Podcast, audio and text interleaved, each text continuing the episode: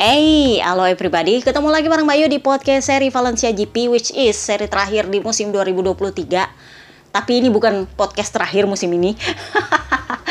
Kita masih akan tetap ngegosip, ini pun mungkin akan jadi dua part. Nanti terserah admin lah dipotong di mananya ya. Karena kita punya banyak gosip.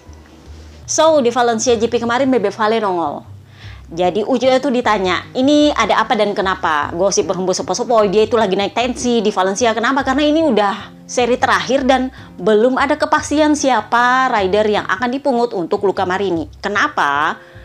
Karena sponsornya Fermin Aldagar itu sebenarnya udah tawar-menawar sama Speed Up. Akan tetapi kalau kalian dengar podcast sebelumnya udah gue bilang itu kontraknya alot luar biasa. Speed Up nggak mau terima berapapun penalti yang ditawarkan Kenapa? Karena emang nggak dibahas soal penalti di kontraknya Aldegar. Jadi emang mereka nggak bisa dipaksa. Kalau nggak mau ya nggak mau. Ya mau apa? Nah ini yang bikin si Uchiho gosipnya naik tensi. Kenapa? Karena itu membuat Fabio Di Gianantonio itu menjadi satu-satunya rider yang mereka bisa pilih karena itu sudah akhir musim. Dan satu-satunya rider yang available. That's the problem. Ini akan membuat Fabio yang artinya mereka harus bayar Oke, okay? karena itu ada rider luar dari VR46 Academy. Itu di atas angin soal kontraknya. Jadi memang Ucio agak-agak greget. Nah, gara-gara ini juga gosipnya Ucio bilang BB Vale nongol. Pertama buat ngurusin kontrak, yang kedua ya ya itu kan race pamungkas penentuan Jurdun. Jadi ya wajar dia nongol karena Peko kemungkinan akan kunci Jurdun dan Best dipastikan akan mengisi posisi tiga klasemen. Jadi ya anak-anaknya kan yang bakal naik di Film Awards. Jadi ya jelas dia nongol. Nah, Ucu itu bilang kayak gini, kedatangannya Valentino Rossi adalah untuk menjadi penentu siapa yang akan menjadi rider pengganti Luca Marini. Jadi secara tidak langsung Uchiha sudah menegaskan bahwa Luca Marini itu udah tanda tangan kontrak sama Honda. Sisa tunggu pengumuman, tapi ditahan. Kenapa? Karena satu, selain menunggu siapa penggantinya di VR46, yang kedua adalah gosip berhembus sepoi-sepoi, Honda memang sengaja menahan pengumuman itu sampai setelah musim. Jadi kalian lihat pengumumannya kemarin itu kan hari Senin setelah Film Award resmi musim 2023 berakhir. Itu karena ada kesepakatan dengan Mark Marcus bahwa kedua belah pihak baru akan mengumumkan masa depan mereka masing-masing setelah akhir musim. Kalian mundur dulu ke Indonesian GP Mandalika. Kan gue udah bilang bahwa konferensi persnya Mark Marcus di Mandalika kemarin itu diveto sama Honda karena Honda itu punya perjanjian dengan Mark Marcus bahwa kedua belah pihak baru bisa akan mengumumkan masa depan mereka di musim depan itu setelah musim berakhir. Itulah kenapa Honda memveto konferensi persnya Mark Marcus kemarin. Tetapi karena dia tantrum dan ditambah dengan sponsor juga yang bela dia, ditambah lagi dengan Gresini yang keke, ya you know lah ya, akhirnya mereka pengumuman. Dan ujungnya ya dia kena santan instan juga. Gak pernah finish jadinya di Mandalika. Ya maaf, emang seperti itulah hidup. Jadi ya akhirnya Honda itu menepati perjanjiannya. Mereka baru mengumumkan masa depan musim depan itu sama Luka Marini di hari Senin setelah musim 2023 resmi berakhir. Jadi yang bikin keselnya Uchiho itu adalah Fermin Aldegarnya mana? Gue nunggu lu. Jadi itu sponsor yang mau bayarin penaltinya Fermin Aldegar itu mau bayar. Tetapi timnya yang nggak mau terima duit. Jadi tim speed up bilang gini eh sorry kita nggak ada klausul exit pak. Lu udah tanda tangan kontrak buat tahun depan ya lu harus patuhi mau lu taruh duit seberapa banyak di situ kalau gua nggak mau ya nggak bisa. Nah itu yang gue bilang akhirnya mau nggak mau harus pasrah. Dan opsi satu-satunya cuma Fabio di Gian Antonio. Ya Ucio coba-coba ngeles juga. Dia bilang ya kita masih ada opsi lain sih. Seorang rider yang amat sangat muda. Para fans bilang jangan-jangan itu anaknya Valentino Rossi yang dibahas. Karena memang nggak ada opsi selain Fabio di Gian Antonio jadi emang sisa tanda tangan kontrak doang. Nah, Bebe Vale datang ke Valencia kemarin selain untuk kunci jurunya Peko dan Marco Bes yang sudah pasti ada di peringkat tiga klasemen untuk mengisi Fame Award adalah untuk menandatangani kontrak dengan Fabio Di Antonio. Selain itu, gosip berhembus sepoi-sepoi, dia juga mau ngecek lagi kontraknya Luca Marini. Nah, di antara pembicaraan ini muncullah gosip berhembus sepoi-sepoi bahwa Papi Peripuik bakal didepak untuk digantikan dengan David Brivio. David Brivio itu KTPS juga, satu. Jadi otomatis sponsor utama di Honda which is juga KTPS itu nggak akan keberatan itu yang pertama yang kedua Brivio itu adalah mantan manajernya tim Suzuki yang dekat dengan Yuan Mir Papa Yuan ditambah dengan Brivio juga adalah mantan orang dekatnya VR46 jadi Bebe Vale sudah pasti bisa nitip adiknya ke sana. Karena ya you know lah ya papi peripuik agak-agak ya nggak nggak nggak terlalu bagus hubungannya dengan Bebe Vale. Karena memang dia selama ini adalah bumper utamanya si Malin Kundang. Jadi gosip berhembus sepoi-sepoi itu petinggi Jepang mulai berpikir untuk memutus kontraknya. Alberto Puig untuk digantikan dengan David Brivio. Nah, Papi Peripuik sempat ditanya, benar nggak sih lu mau dipecat? gue tuh aneh, bisa-bisanya wartawan nanya sama Papi Peripuik, eh bener nggak Puik lu mau dipecat? Ya menurut lo? Jadi Papi Peripuik tuh jawabnya gini, gini, gue masih ada kontrak tahun depan sama Honda. Jadi kalau memang itu yang kalian dengar, kalian tanya sama yang di atas. yang di atas itu bukan maksudnya nanya sama yang maha kuasa, enggak. Karena kebetulan dia ditanya di motorhome dan itu kan motorhome ada dua tingkat tuh. Nah di atas itu ada petinggi-petingginya Honda lagi meeting. Jadi dia bilang lu tanya aja ke atas. Maksudnya sama petinggi Honda yang lagi meeting di atas. Jadi itu sempat mengemuka tapi gue nggak tahu gimana ceritanya. Ini kabar tiba-tiba anyep kita nggak tahu apakah memang Brivio lagi dibujuk-bujuk atau gimana gue nggak tahu. Karena memang uh, Brivio nggak bisa dibilang sukses di F1 ya mungkin karena budayanya F1 beda sama MotoGP jadi dia mungkin gue nggak tahu apakah adaptasinya susah atau memang dia kurang diberi respect di sana atau gimana gue nggak tahu karena gue nggak pernah ngikutin F1 tetapi itu yang membuat Honda mungkin ya bisa kali ya dibujuk-bujuk ini kan gosip sudah lama dari tahun lalu tetapi tahun lalu Brivio bilang gue ada kontrak sama Alpine. Masih ada kontrak. Tapi kan tahun depan kontraknya kemungkinan udah habis jadi bisa dibujuk-bujuk. Ditambah lagi kalau Bebe Vale yang bujuk ya why not gitu kan. Jadi ya kita lihatlah nanti di tahun 2004 apakah benar Papi Peripuik akan didepak atau dia akan stay. Kita lihat hubungannya dengan Luka Marini nanti. Nah, yang menarik adalah pergerakan di Ducati. Jadi gosip yang dibuat oleh Basar ABR itu kembali mengemuka bahwa kalau calon ikan new yang ngarep banget gagal itu bisa jurdun, dia bakal promosi ke seatnya Enea. Enea bakal tukar guling ke Pramac.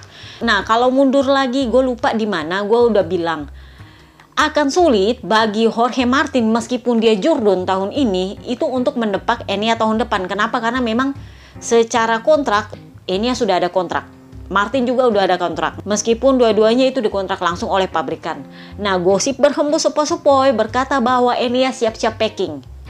Kontraknya selesai 2024, dia bakal hengkang ke KTM. Karena kan kemarin gue bilang, Enia itu besar kemungkinan untuk didepak setelah kontraknya selesai. Atau mungkin malah tahun depan. Tetapi, karena dia ada kontrak tahun depan, berarti tahun 2025 kemungkinan besar dia akan didepak. Diisi oleh Martin di sana. Jadi gue sih berhembus sepoi Enya itu mulai lihat-lihat seat di KTM. Nah, Pirtinyi ini siapa lagi yang mau didepak itu KTM? KTM ini kalau gue pikir terlalu banyak rider yang seatnya kurang tapi ridernya kebanyakan. Jadi kan lo tahu tes ridernya KTM itu adalah Dani Pedrosa, Mika Kallio, ditambah lagi dengan Paul Espargaro yang resmi jadi rider cadangan karena calon ikan new baru Pedro Acosta itu menggantikan dia mengisi seat dia di gas-gas Tech 3. Nah, gosip terbarunya adalah Jonas Volger perpanjangan juga sama KTM untuk jadi test rider. Jadi total ada 4 test ridernya KTM. Paul Espargaro dipastikan akan nongol di Sepang. Jadi kemarin setelah seri Valencia dia crash kan, dia langsung pulang pemulihan untuk persiapan ke Sepang. Gua nggak tahu di Sepang nanti apakah Dani Pedrosa ataukah Jonas Volger yang nongol, kita nggak tahu. Kenapa? Karena KTM punya terlalu banyak test rider. Jadi ya seperti itulah. Nah, gosip lain yang kita bahas ada soal papa kembar dan rider cool Molbideri. Jadi gini, si Kang Begal satu ini ketika kasusnya di Qatar kan dia sempat ngamuk-ngamuk tuh. Karena kan Morbidelli bilang, gue pinisirin kira-kira dia mau ngomong apa sama anaknya kalau anaknya nonton dia nampol saya Saya pengen tahu apa yang dia bilang sama anaknya. Nah, waktu itu papa kembar ngamuk. Jadi dia bilang, oh lu nggak bisa bawa-bawa anak gua, nggak bisa. Lu udah kelewat batas, nggak bisa lu bawa-bawa keluarga gua. Masalah kita ya masalah kita, di track ya di track, nggak bisa lu bawa keluarga. Jadi waktu itu dia ngamuk-ngamuk. Nah, begitu sampai di Valencia, Papa kembar mengaku dia minta maaf. Jadi dia bilang, saya datang langsung ke motorhome-nya, Morbidelli, dan berbicara langsung dengan dia, face to face di sofa. Siapa pun yang salah di track itu, sikap saya memang sudah salah. Jadi saya meminta maaf kepada Morbidelli apa pun yang terjadi. Saya memang punya masalah emosi, untungnya adalah dia mengakui bahwa dia memang punya masalah emosi karena memang kan Morbidelli bilang Alex Espargaro ini punya masalah dengan emosinya dan dia nggak pernah mau mengkontrol emosinya dengan baik. Padahal itu sebenarnya hal yang lu bisa bicarain nggak usah pakai nampol-nampol. Tapi adanya malah kan papa kembar malah marah kan kemarin. Dia bilang nggak usah bawa-bawa anak gua. Nah ujungnya akhirnya dia minta maaf. Jadi dia bilang saya memang ada masalah dengan emosional saya. Bukan saya nggak melakukan apa pun. Saya bahkan sudah ke psikolog. Jadi dia ke psikolog minta bantuan.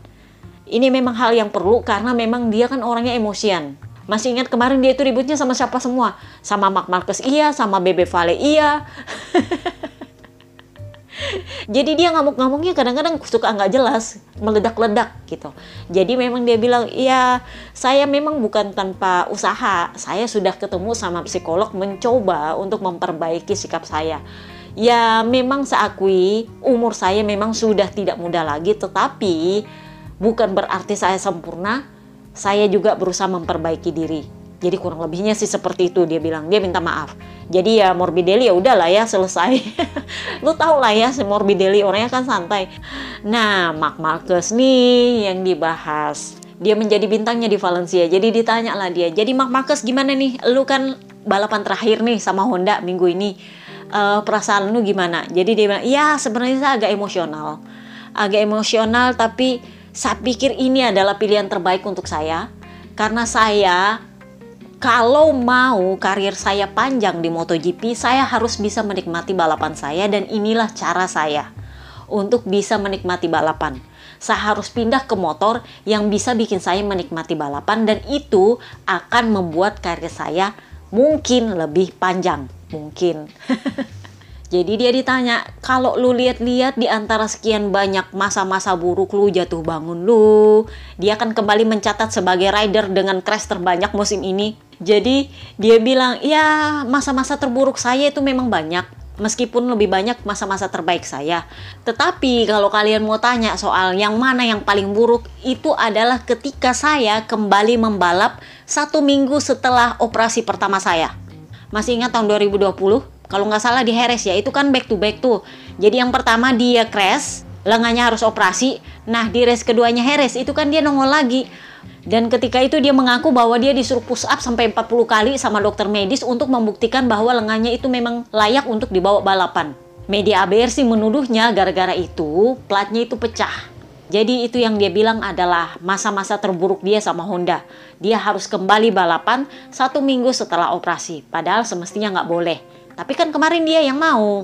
Mau disalahin Honda ya nggak juga karena kan dia yang show off kebanyakan. Ya angkat beban lah, angkat inilah, olahraga itulah. Padahal sebenarnya lu diem aja dulu men. Diem aja nggak usah macem-macem pecicilan. Ujung-ujungnya buka pintu pecah, ini pecah, itu pecah ya udahlah ya. Nah, gosip lain yang berhembus kencang sebelum Valencia GP itu adalah soal pemecatan Raslan Rasali, Dato R itu dari timnya sendiri RNF Racing Team gara-gara Data sebagai pemegang saham terbanyak itu meminta dia mengundurkan diri. Nah ini nih gue bilang lama nih part 1 kita bakal ngegosipnya yang ini. Jadi kalau kalian ngintil gue udah lama dari zamannya Bebe Vale masih balapan di Petronas, masih ingat? Nah waktu itu kan gue mempertanyakan, ini dari sekian banyak sponsor yang Bebe Vale bawa, ini duitnya ke mana? Kenapa? Karena Bebe Vale ngeluh nggak dapat update. Jadi sebenarnya bukan salah Yamaha juga nggak kasih dia update part. Masalahnya adalah RNF bayar kagak. Karena kan itu mesti dibayar. Bukan cuma pabrikannya mau ngasih, lu bayar kagak. Jadi yang gue pertanyakan, ini duit yang dibawa oleh BB Vale, sponsor-sponsornya itu lari ke mana? Waktu itu kan gue mempertanyakan tuh. Nah, ini yang diminta oleh Cryptodata untuk melakukan audit internal dan meminta Dato R mundur dari RNF Racing Team. Tim ini didirikan oleh Dato R. Kalian masih ingat tahun lalu kan gue udah bilang, Waktu itu Cryptodata bergabung sebagai sponsornya RNF, katanya, katanya itu Dorna yang tawari. Jadi RNF kemarin kan gue bilang, ini adalah tim yang paling, sorry itu say miskin di MotoGP. Paling banyak makan subsidi selain Gresini. Kalau Gresini itu adalah tim paling banyak subsidi di Ducati. Tetapi yang paling banyak subsidi di MotoGP itu adalah RNF. Dia dapat 7 juta euro itu dari Dorna. Kemudian seluruh ridernya itu dikontrak langsung sama Aprilia.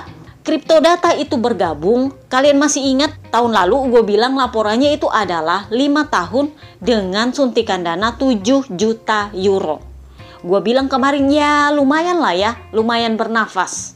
Ternyata sekarang media pun meragukan jangan-jangan itu duit sebenarnya nggak masuk. Kenapa? Karena faktanya adalah RNF harus menjual 60% sahamnya kepada Cryptodata. Jadi ibarat kata lu masuk bukan sebagai sponsor, lu masuk sebagai owner. Beda dengan sponsor. Sponsor itu kayak taruhlah Muni VR46 yang punya tetap VR46, Muni bayar, ada duitnya masuk untuk nemplok di firing Benar? Tetapi yang punya ya masih VR46. Nah, sementara berbeda kasus dengan RNF. Cryptodata nemplok di firing itu bukan sebagai sponsor ternyata, tetapi sebagai owner. Mereka punya 60% saham di RNF Racing Team. Pirtinyi ini itu berarti bukan 5 tahun 7 juta euro, no, Berarti 7 juta euro adalah harga saham yang dibeli untuk selama-lamanya. Kalau lu beli saham berarti lu invest ke sana, ya udah itu berarti sampai lu sampai kiamat lah, sampai berakhir lah masanya timnya. Bener nggak sih? Sampai pilot, bener? Jadi ini yang dibahas di media. Bener nggak sih mereka nyetor 7 juta euro untuk lima tahun? Ya mungkin nyetor 7 juta euro, tapi itu untuk beli saham, bukan untuk lima tahun. Nah, dana ini yang digunakan oleh Dato Air untuk dikelola selama satu tahun ini, karena kan ini tim masih satu tahun. Nah, yang menjadi masalah adalah Valencia adalah akhir musim.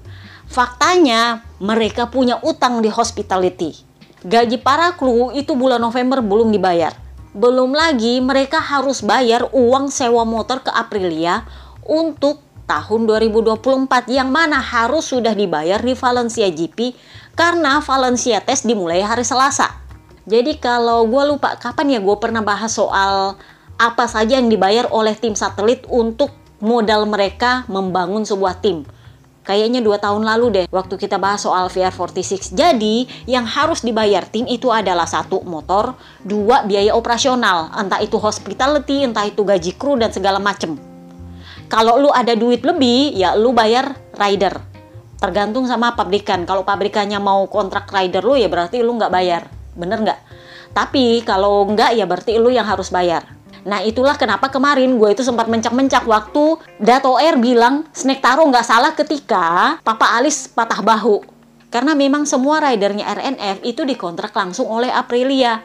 Dato Air terima jadi rider-ridernya. Jadi Kemarin kan gue bilang jangan mentang-mentang itu adalah rider yang dikontrak langsung oleh Aprilia. Lu bilang Quartararo nggak salah, sapu jagat rider lu yang nggak bisa gitu juga men. Nah sementara di Aprilia gini, normalnya adalah tim satelit itu beli motor ke pabrikan, dibeli. Nah untuk kasusnya RNF sama Aprilia itu disewa, leasing. Lu pakai selama satu musim nanti kembalikan lagi ke Aprilia kalau lu biasanya rental motor ya kurang lebihnya kayak gitu jadi lu rental selama satu musim terus nanti lu balikin itu kan lebih murah daripada lu beli motor. Beli motor kalau satelit sih ya tergantung pabrikannya sih. Tapi kalau pabrikan bagus masih ingat dia Yamaha? Yamaha kemarin satelitnya untuk motor bekas itu kalau nggak salah 7 sampai 8 juta euro. Itu kalau lo beli. Nah sementara kalau di Aprilia gua nggak tahu mungkin sekitar 5 juta euro kali ya untuk dua motor. Kalau nggak salah karena kalau kita mundur-mundur lagi waktu tim Grace ini belum pengumuman kan Grace ini sempat ditawari oleh Aprilia tuh gue lupa kalau nggak salah sekitar 5 juta euro untuk leasingnya doang leasingnya doang. Dua motor bekas leasing nggak beli langsung. Nah itu yang belum dibayar oleh Dato Air oleh RNF untuk memulai musim depan untuk bisa tes di Valencia. Jadi ya kalau gue pikir sih wajar bahwa pada akhirnya Dorna itu memutuskan untuk tidak mengikut sertakan tim ini tahun depan karena sudah terlalu banyak utang yang belum dibayar. Jadi hospitality, gaji kru, sewa motor ke Aprilia. Nah, kalau kalian bertanya apakah Dato Erni lap duit? Kalau menurut gue sih enggak. Sorry to say, tapi mudah-mudahan beneran enggak. Jadi kemungkinan itu adalah cash flow-nya. Untuk membuat sebuah tim di MotoGP itu lu bakar duit. Kalau uang sponsor lu nggak banyak, ya lu harus sedia modal. Kenapa? Karena untuk menjalankan sebuah tim MotoGP, lain hotelnya, lain pesawatnya, lain logistiknya, lain asuransinya. Dan kalau lu nggak pinter-pinter, lu bisa tokor di situ, serius. Itulah kenapa Bebe Vale begitu buka Muni VR46 itu timnya yang di Moto3 sama Moto2 ditutup semua. Kenapa? Karena dia tahu dia bakar duit. bakar duit, men. Jadi kalau lu mau untung jadi tim satelit, satu, lu harus dapat subsidi besar-besaran. Dua, lu harus ada sponsor tetap yang berani bayar banyak untuk lu. Yang ketiga, rider lu harus bagus. Supaya kalau podium, lu bisa share hadiahnya. Nah itu yang jadi masalah di RNF Papa Alis bagus, bagus. Masalahnya adalah dia cedera terus, jarang banget balapan. Tapi ya memang dia sekali balapan bagus. Tapi faktanya adalah dia nggak podium, nggak pernah podium. Jadi ya mau dapat apa? Jadi wajar bahwa kas mereka itu bisa defisit. Lu bayangin chaosnya Indian GP seperti apa? Lu bayangin banyaknya asuransi. Lu bayangin visa yang harus dibayar. Lu bayangin hotel yang di Mandalika tiba-tiba mahal. Jadi emang banyak yang harus dibayar dan itu lu bakar duit di situ. Nah, sejak awal gue memang meragukan kondisi modalnya RNF. Bahkan sebelum gue tahu soal kripto data itu beli sahamnya. Karena ketika tim ini masih dimiliki oleh Petronas, itu Petronas memutuskan mundur. Kenapa? Karena gue sendiri sudah mempertanyakan, ini cash flow-nya gimana? Kok bisa BB Vale nggak dapat update part? Padahal sponsor banyak dibawa ke sana. Nah, pada akhirnya adalah Yamaha saking sayangnya sama ini tim karena dia memandang Dato Air dengan baik, dibantuinlah Dato Air ini bikin perusahaan sendiri. Disubsidilah, tapi tetap harus bayar motor. Nah, you know lah waktu itu Yamaha kan masih jaya-jayanya ya masih jual mahal itu motornya. Gua ngerti RNF memutuskan hengkang ke Aprilia karena Aprilia kan sistemnya leasing bukan beli motor itu sudah menunjukkan keraguan gue oh kayaknya ini masalah modal gak ada duit buat bayar motornya Yamaha tetapi yang gue nggak sangka adalah bahkan untuk bisa nyantol di Aprilia pun yang sistemnya leasing itu sampai harus jual saham 60% ke kripto data.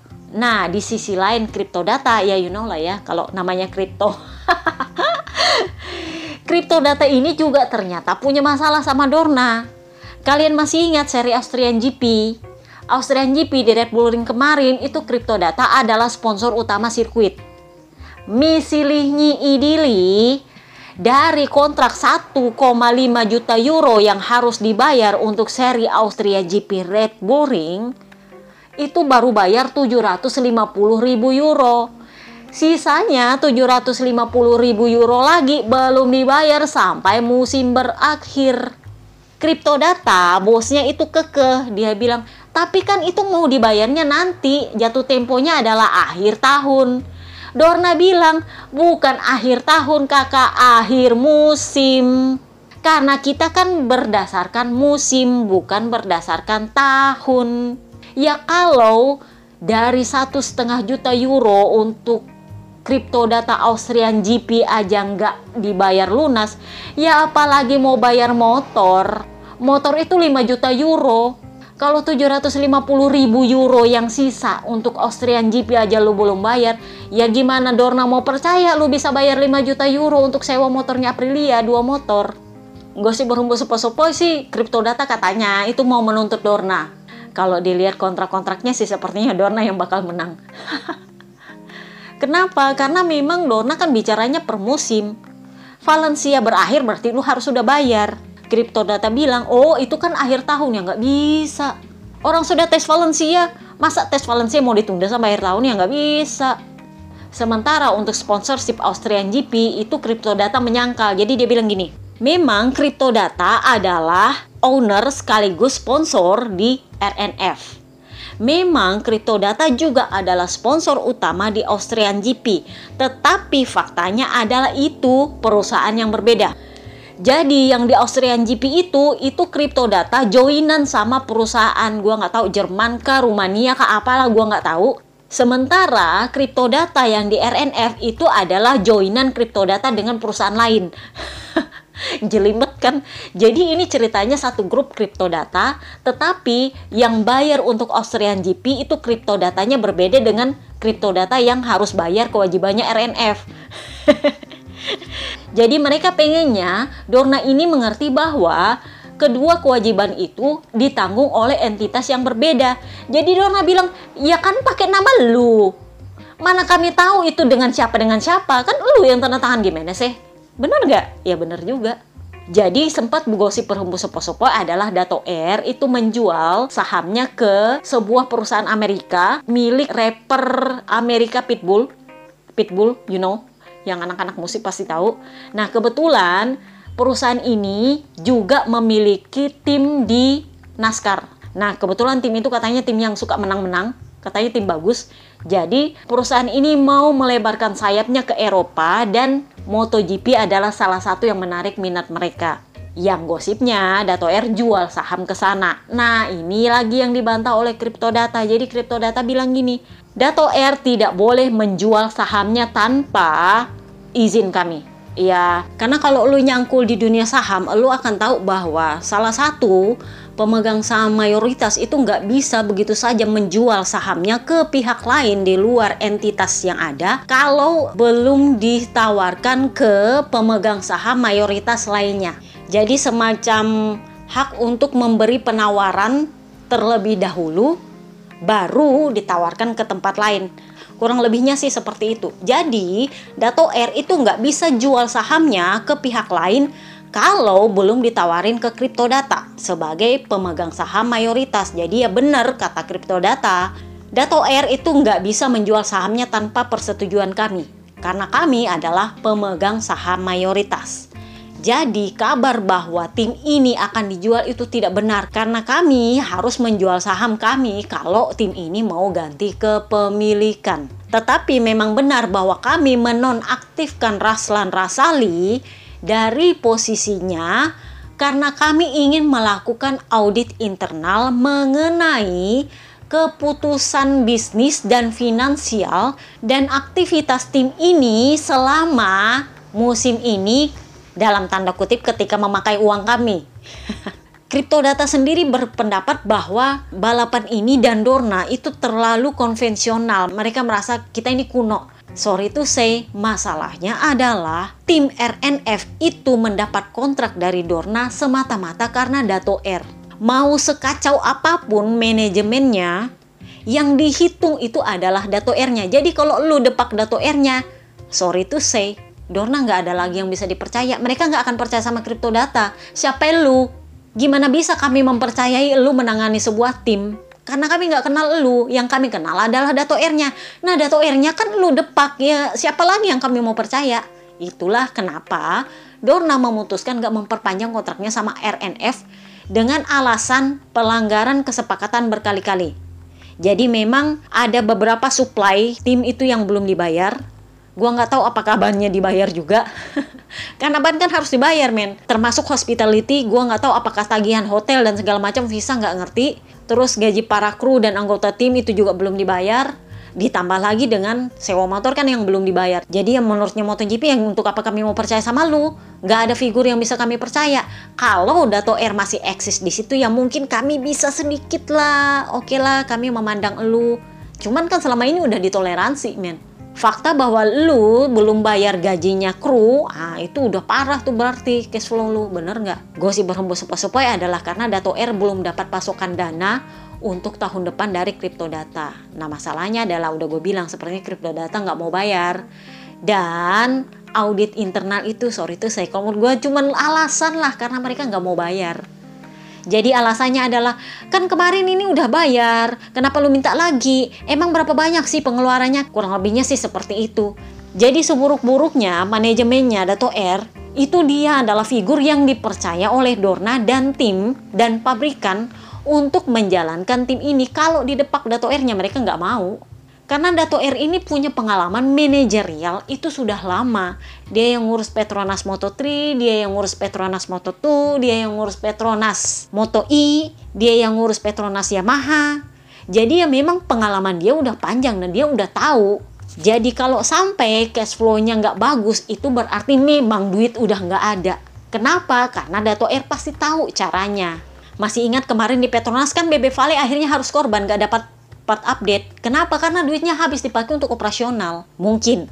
Semoga gue salah. Tetapi kalau RNF di Aprilia itu nggak bisa bayar kru, berarti memang udah nggak ada duit. Ada duit yang belum masuk dari sponsor mereka atau memang modalnya tim ini nggak ada. Nah masalahnya kalau mau ngomongin modal ya tetap juga dari kripto data. Jadi kabarnya Dorna nanti akan berhadapan dengan kripto data soal RNF di depak dari musim 2024, para kru dan anggota tim itu mulai tahun depan akan menjadi bagian dari Aprilia secara pabrikan. Bahasanya bosnya Cryptodata kemarin, mereka itu mau membayar gaji para kru yang terutang di bulan November. Tetapi yang bulan Desember dipertanyakan masih mau dibayar atau enggak dengan kasus ini. Itu yang jadi perkara. Tetapi yang pasti adalah tahun depan kru dan anggota tim itu akan menjadi bagian dari Aprilia secara pabrikan. Jadi mereka nanti statusnya adalah karyawan Aprilia langsung dan sepaket ini jadi rider, motor lengkap dengan kru-krunya itu disewakan ke tim miliknya Pitbull itu. Jadi kayak dijual satu paket gitu loh. Selama masa waktu tertentu, tim ini akan membayar semua biaya operasi Nanti setelah masa waktu kontraknya mereka berakhir itu nanti kembali ke Aprilia. Kurang lebihnya sih seperti itu. Nah, bocoran dari Raul Fernandez yang kemarin di tes Valencia itu pakai motornya Savadori sebagai tim tes karena RNF udah nggak ada. Jadi dia bilang uh, sepertinya motor tahun depan akan bagus. Jadi gosip berhembus sepoi-sepoi tahun depan tim ini bakal pakai motor pabrikan dan paket yang ditawarkan ke investor baru ini adalah paket motor pabrikan dengan para rider mereka, dengan krunya mereka yang ada, termasuk Wilco Zielenberg, dengan part-part dan segala macam. Pokoknya mereka cuma tahu bayar, teng, jadi udah semuanya disupport. Yang mereka bayar sisanya itu sisa yang operasional, logistik, dan segala macam, hospitality dan tetek bengeknya. Tetapi update dan segala macam dan sisa-sisanya itu adalah urusannya Aprilia. Dibeli satu kali paket Kurang lebihnya sih seperti itu.